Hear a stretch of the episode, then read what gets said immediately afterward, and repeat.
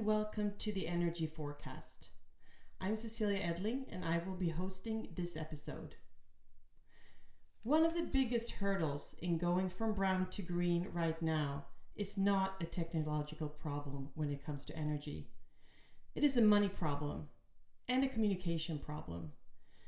Today we will meet Alexander Helling. He is the CIO of Baseload Capital, and we will find out why financing is such a challenge and how Baseload Capital is making it possible to overcome the challenges by enabling municipalities, entrepreneurs, and other companies to finance heat power projects.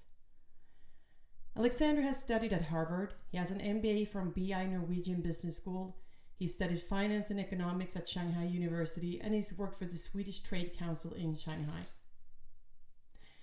The energy forecast is brought to you by Swedish clean tech provider Climeon, who converts low temperature heat into clean electricity. Enjoy.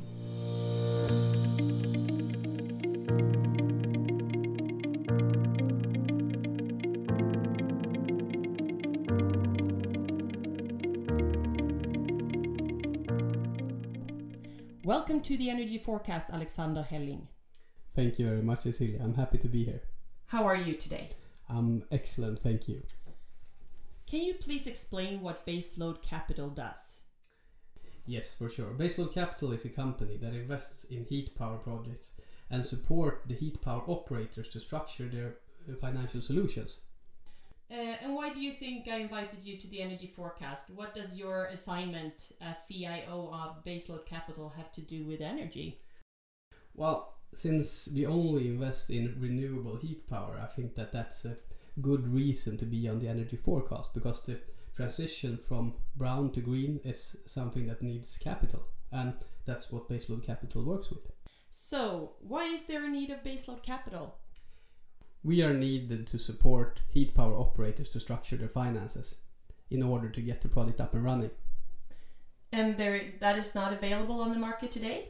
It is available on the market today, but the heat power operators are usually very good entrepreneurs that can find the good site, they can find the good resource, and they want to build a power plant. Uh, their key competence is not in structure different financial solutions, and that's where we come in and support them with that. And looking at the financial market, there are tons of different financial options available all over the world and uh, different solutions in each country. So, what we do, uh, depending on the market we are working in, we dig through all the different financial solutions available and we structure the best deal for the specific site and project. And how are generally how are geothermal projects funded? Well, usually you can divide it into to four phases.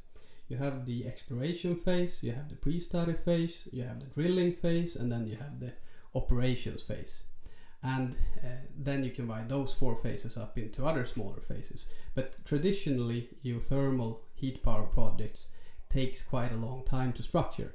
And uh, the, the problem looking into uh, financing that is that you also need a lot of different financial options. Like uh, you may need private equity or your own capital when you start up in the exploration phase. Uh, you can look at different mezzanine loans for example to do the test drilling. You have to set up a structure with regular bank debt in order to do the construction or the construction loans for example so uh, there are a lot of different players within the financial area that you have to work very closely with and this takes a lot of time uh, it's not necessarily very difficult, but it takes a lot of time. It's a lot of different stakeholders that you need to work very closely with and uh, find a good way in order to structure the financing along all the different projects or all the different phases in the project. I think even though you say it's not very hard, I think it sounds a bit complicated. So how do you differ from from that solution? Well, we try to to do everything in in one project. So we are the only contact to the heat power operators. We can support them with uh, with investments. Uh, we can use our own capital to invest to do the first phase. Uh, then we will support them to have the discussion together with the banks or different uh, different government subsidies that could be available, or uh, you know to work with export credits. So uh, we will then act as a partner for the heat power operator to actually structure the, the whole financial setup from from the beginning until the heat power plant is up and running. Ah, so you're more or less a one-stop shop when it comes to financing for the heat power operator. Yes, Oh, that sounds a lot easier, if you ask me. that's what we want to be. Oh, that sounds good. Uh, so, what, what, which stakeholders are typical stakeholders in a geothermal heat power project? Well, you need the entrepreneur uh, that want to build a heat power plant. Uh, then, of course, you need a good technology that matches the site and the resource.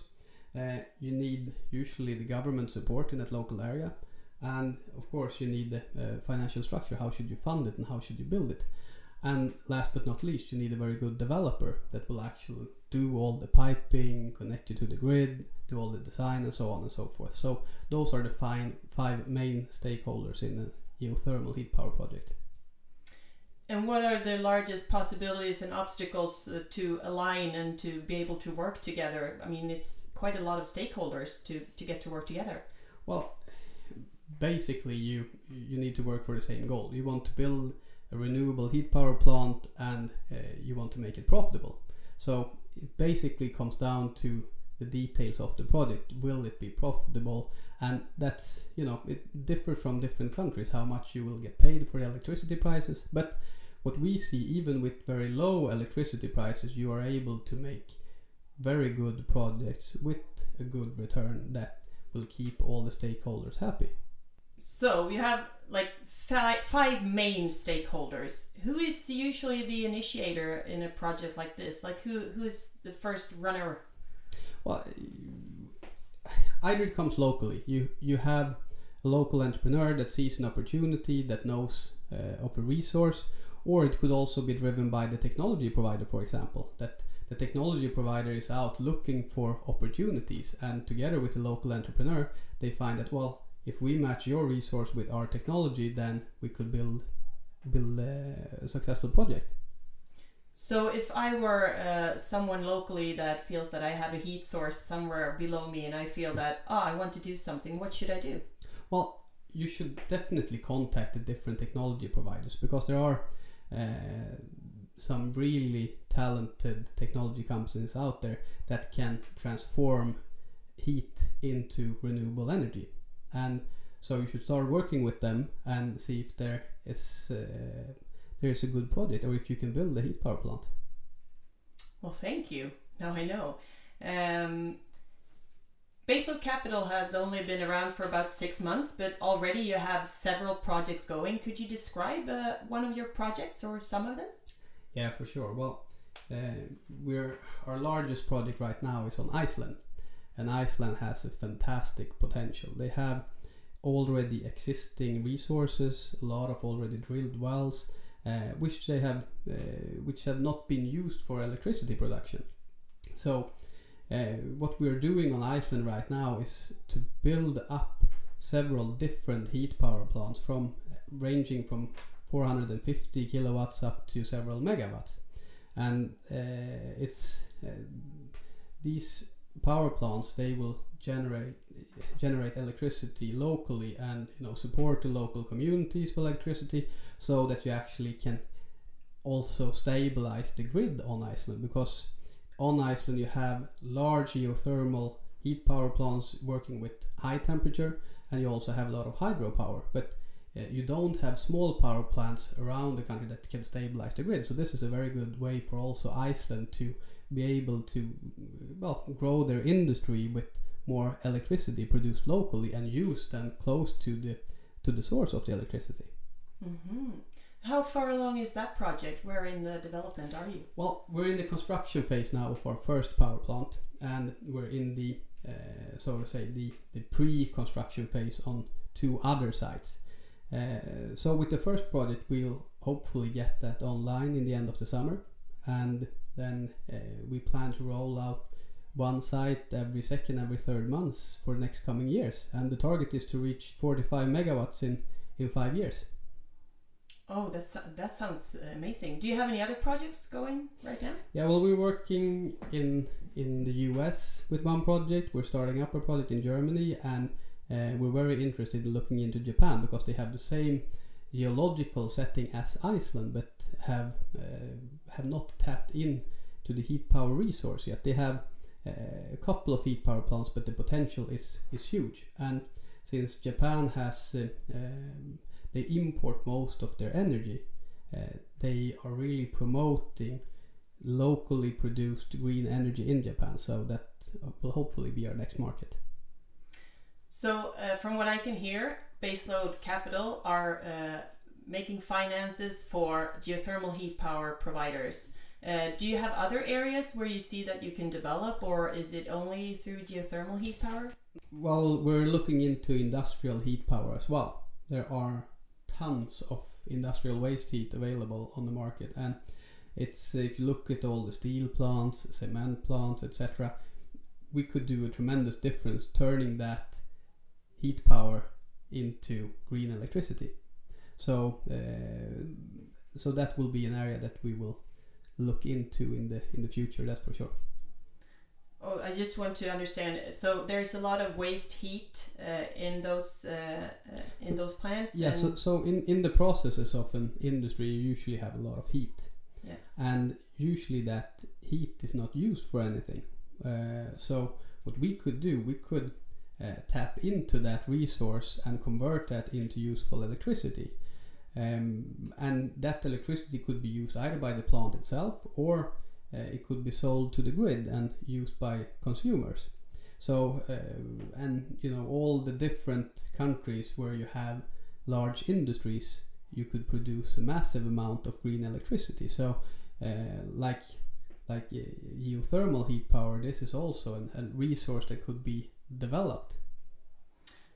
Okay, but uh, in a in a steel plant or in a aluminum plant or somewhere, there is not any the phases that you mentioned in geothermal heat power. They don't exist in industrial, from what I understand. How would a financial solution look uh, with industrial heat power? Well, there you can see it in a lot of different ways. Either if the industry would like to invest in the equipment itself, uh, there are several different financial options available for such a an industry. They could, for example, get an export credit, which means that they will get a very favorable loan from the government of the country which the technology comes from.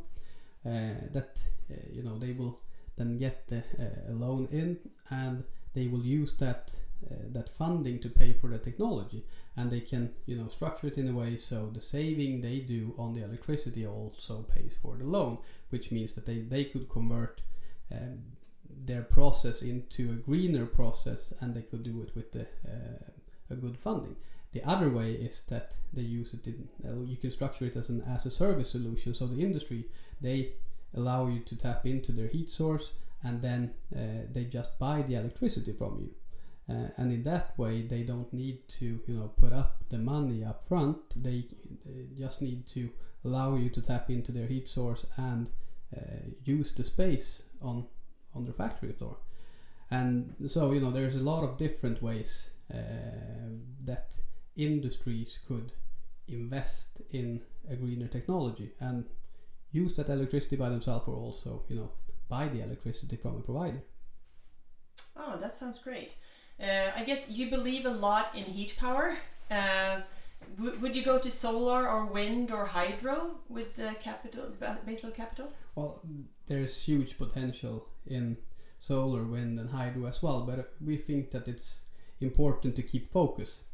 Um, and by keeping focus on on heat power and becoming the best financial solution provider in that field, uh, we could, you know, speed up that transition uh, to move into heat power because if you're looking at the, uh, the investments in solar and wind, uh, you know the investments are huge, and everyone is talking about solar and wind. But heat power is a is an untapped resource in a way where uh, you know we need to uh, we need to invest a lot more into heat power. So that's why we're going to keep the focus on that. So, if you were to predict into the future, what is your energy forecast? Let's say a couple of decades ahead? Well, I think the important is that we move into to a green future, and I think that the trend is there. You can see the increasing investments within solar, and you can see the increasing in wind. And uh, I think that if we do a good job, then we will see a massive, massive investments into heat power as well. And you can already in the in the financial markets, you can usually follow where where the money goes. And with all the new green bonds that are being developed, with all the different initiatives from different governments and so on, you can clearly see a trend that the money is moving into green projects. So, uh, and if that continues, usually if uh, if a lot of money is being put into a certain field, then usually things happen quite fast. So, my hope is that uh, this trend will continue and that we will see the shift from brown to green happen much faster than we think.